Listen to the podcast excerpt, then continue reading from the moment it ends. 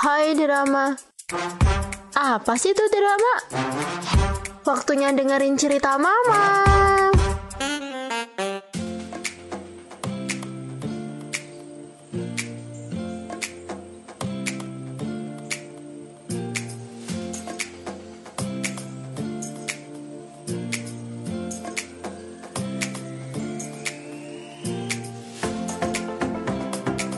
Halo sahabat moms, apa kabar? Semoga kalian dalam keadaan yang baik-baik ya. Selamat datang di segmen drama. Waktunya dengerin cerita mama. Nah di episode kali ini kita akan ngebahas dua topik yang sangat menarik. Ya mungkin bisa ngebantu menjawab persoalan moms yang selama ini dikhawatirkan. Yaitu enak dan seru mana ataupun sama aja rasanya antara ibu rumah tangga ataupun ibu yang bekerja sambil mengurus anak atau sering kali uh, kita sebut sebagai walking mom. Aku bakalan ditemenin sama dua ibu muda yang sangat-sangat hebat. Yang satu seorang working mom dan yang satu seorang ibu rumah tangga pastinya. Oke, yang pertama kita bakal ngebahas mengenai working mom dulu ya. Kebayang gak sih kalian gimana ya seorang ibu wanita berperan sebagai ibu plus bekerja melakukan passionnya? Hmm, mungkin beberapa dari kalian ada yang mikir, duh pastinya riweh, nggak bisa ngebagi waktunya.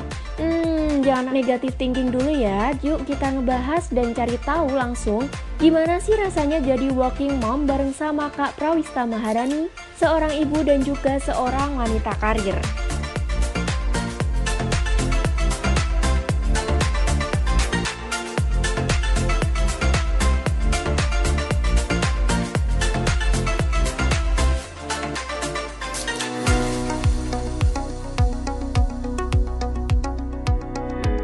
Menurut Kak Prawista, gimana nih Kak rasanya jadi working mom? Jadi working mom ya luar biasa ya, harus berbagi kerja dan keluarga.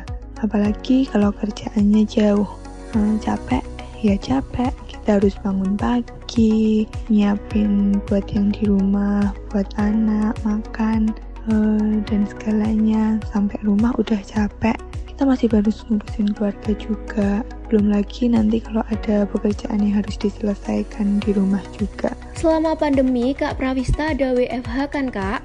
Terus gimana Kak cara menyiasati kerja di samping ngurus anak juga? Selama pandemi ini sempet sih ada WFH, tapi banyak enggaknya.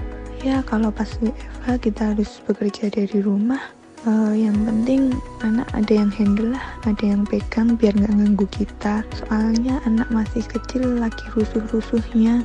Kadang aja kalau ibunya kerja pasti mereka uh, kepo lah. Pengen ngerecokin, pengen tahu.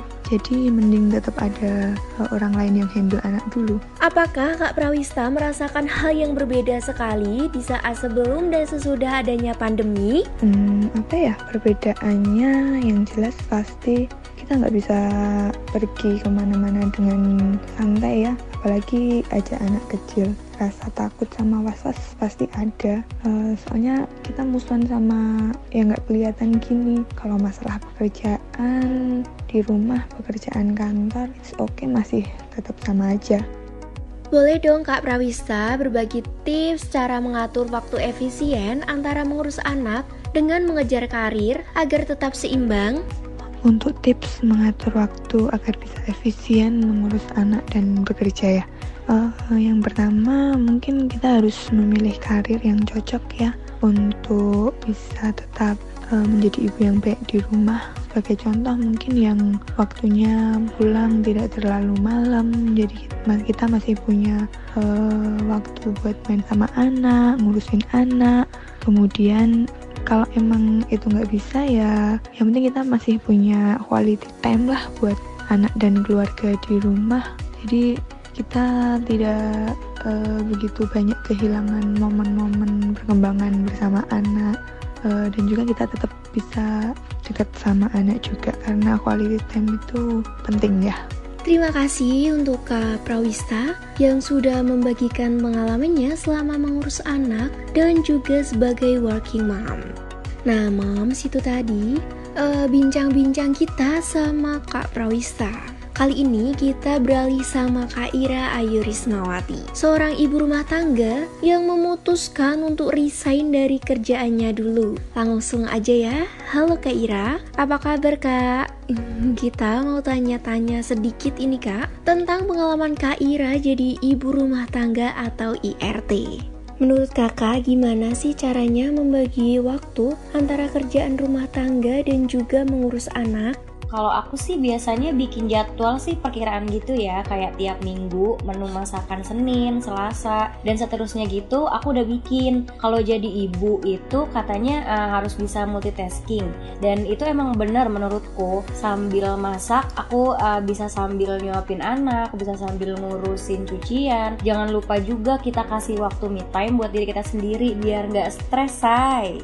Sulit gak sih kak membimbing anak di umur segitu yang harus dibarengi juga dengan urusan rumah tangga? Hmm, susah-susah gampang ya, apalagi kan anakku ini umur tiga setengah tahun ya, dan lagi aktif-aktifnya gitu, masya Allah ya. Nah, pasti ada fase kewalahannya juga. Jadi tiap anak tidur itu aku biasanya nyicil ngerjain yang lain. Walaupun kadang ikutan tidur juga sih, uh, tapi diusahakan ya buat mulai ngerjain yang lain bentar gitu da, uh, paling sekitaran 10 sampai 15 menitan gitu. Terus aku ikutan tidur deh. Kalau boleh tahu Kak Ira itu menentukan pola pengasuh ke anak itu apakah kakak sendiri yang menentukan atau berdua dengan suami? Karena kan ya kakak yang sehari-hari sama anak gitu ya. Um, aku dulu sih awalnya karena kan aku ya yang sehari-hari di rumah yang lebih tahu anak, yang lihat anak tiap hari ngapain. Jadi kalau untuk pola pengasuhan itu diserahkan ke aku sepenuhnya. Nah, suami aku ini percayain aku buat pola pengasuhannya, tapi di sini aku tetap uh, konsultasi juga, diskusi juga sama suami. Jadi suami aku ini juga tetap tahu kalau nggak setuju ya dia bilang, kalau nggak cocok dia bilang. Jadi saling memahami gitu pendapat masing-masing.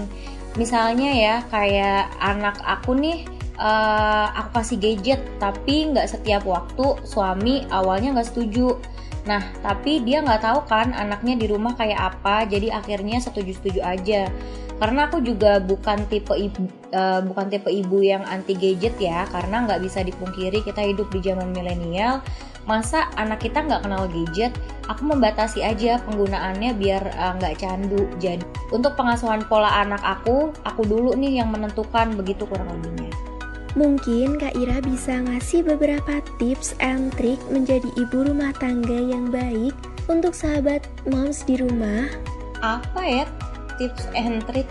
Aku juga belum baik-baik amat sih jadi ibu rumah tangga, masih banyak salahnya, masih sering ngomelin anak juga, terus masih sering mewek nangis karena batin ini kayaknya lelah gitu ya. Kalau mau jadi ibu rumah tangga yang baik ya mental kita sebagai ibu juga harusnya dijaga dengan baik. Kayak misalnya nih tadi kayak yang aku bilang di awal kan susun jadwal dulu perkiraan gitulah. Biar kita ada acuan dan terarah harus gini uh, atau harus gitu nah luangkan waktu untuk diri sendiri juga abis itu apa ya hmm, pokoknya intinya ikhlas dan tulus aja deh menjalani ini semua biar berkah amin deh ya Dulu sebelum nikah pasti Kak Ira kerja kan? Nah sekarang ada niatan untuk kerja lagi nggak sih Kak? Ehm, apa mau di rumah aja ngabisin waktu bersama anak dan menjadi ibu rumah tangga? Jadi uh, dulu aku sebelum nikah itu kan uh, kerja di salah satu bank swasta di Malang. Nah aku kenal suami itu waktu masih kuliah teman satu organisasi lah ya dibilangnya. Eh pas uh, udah lulus malah cinlok. Terus uh, suamiku kan kerja di tambang minyak nih di tengah lautan yang jarang banget pulang. Jadi kalau ditanya mau kerja lagi atau enggak mau banget karena jujur ya sepi di rumah cuma berdua doang terus ditambah uh, aku pengen ngejar passionku lagi tapi suami malah nyuruh resign aja. Katanya biar bonding sama anaknya kuat. Nah padahal menurut aku pribadi nih ya bonding sama anak itu kan nggak harus 24 jam di rumah bareng anak. Uh, kan bisa nih selesai kerja kita ajak main anak terus sebelum tidur kita bacain dongeng dan sebagainya. Jadi ada banyak cara nih buat memperkuat bonding sama anak menurut menurutku ya. Jadi ya pengen mbak Kenapa Kak Ira milih ngurus anak sendiri? Kenapa nggak pakai pengasuh anak biar bisa kerja lagi?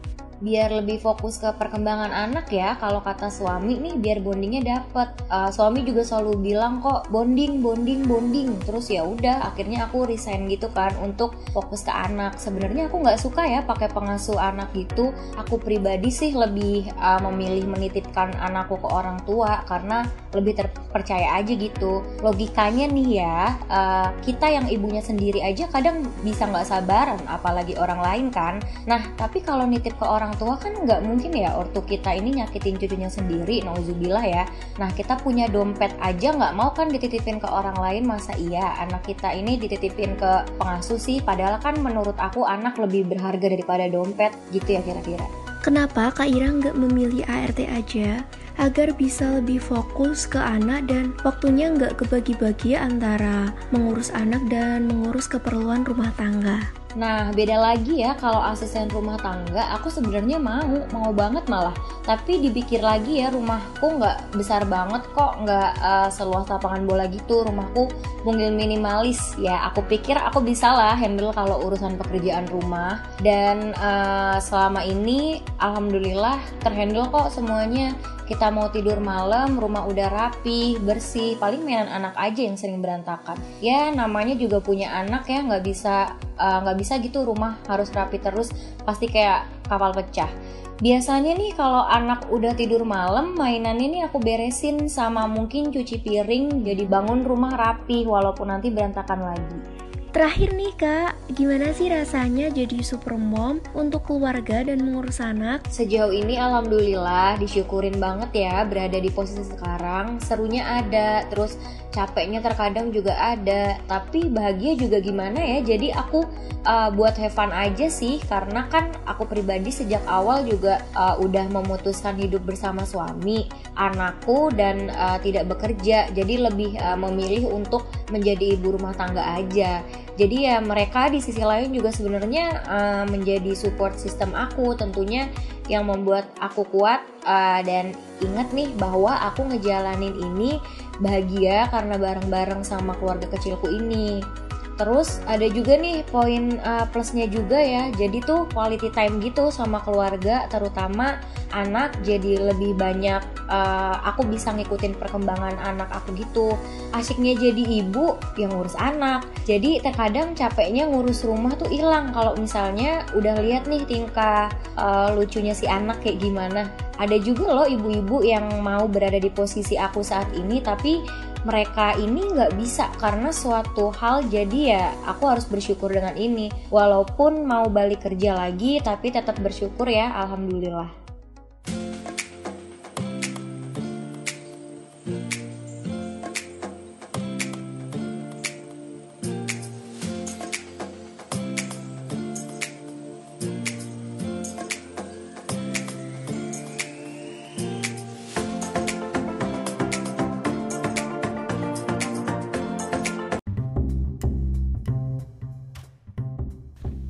Itu dia Mams bincang-bincang kita bersama para ibu hebat yang sukses merawat, mengurus anak mereka dengan cara masing-masing. Apa pun keputusan yang ibu jalani di luar sana, mau kalian ibu pekerja ataupun ibu rumah tangga, yang terpenting adalah harus pintar-pintar mengatur waktu ya Mams. Apalagi untuk si buah hati sendiri kan ya. Dan tentunya juga jangan sampai melupakan kodrat utama sebagai seorang wanita, yakni sebagai ibu yang bertanggung jawab serta harus memprioritaskan keluarga.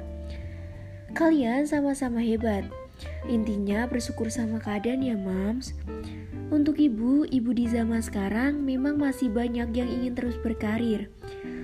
Uh, serta ada juga yang ingin mengurus anaknya di rumah tanpa bantuan pengasuh anak karena para ibu ingin lebih dekat dengan putra-putrinya. Namun, di kala pandemi ini, ibu karir bisa lebih meluangkan waktunya untuk si buah hati. Setiap ibu punya cerita masing-masing. Semangat untuk ibu-ibu hebat di dunia ini. Sampai jumpa di lain episode ya, Mams. Jangan lupa selalu patuhi protokol kesehatan, gunakan masker, dan selalu mencuci tangan. Stay safe. Hai drama. Apa sih itu drama? Waktunya dengerin cerita Mama.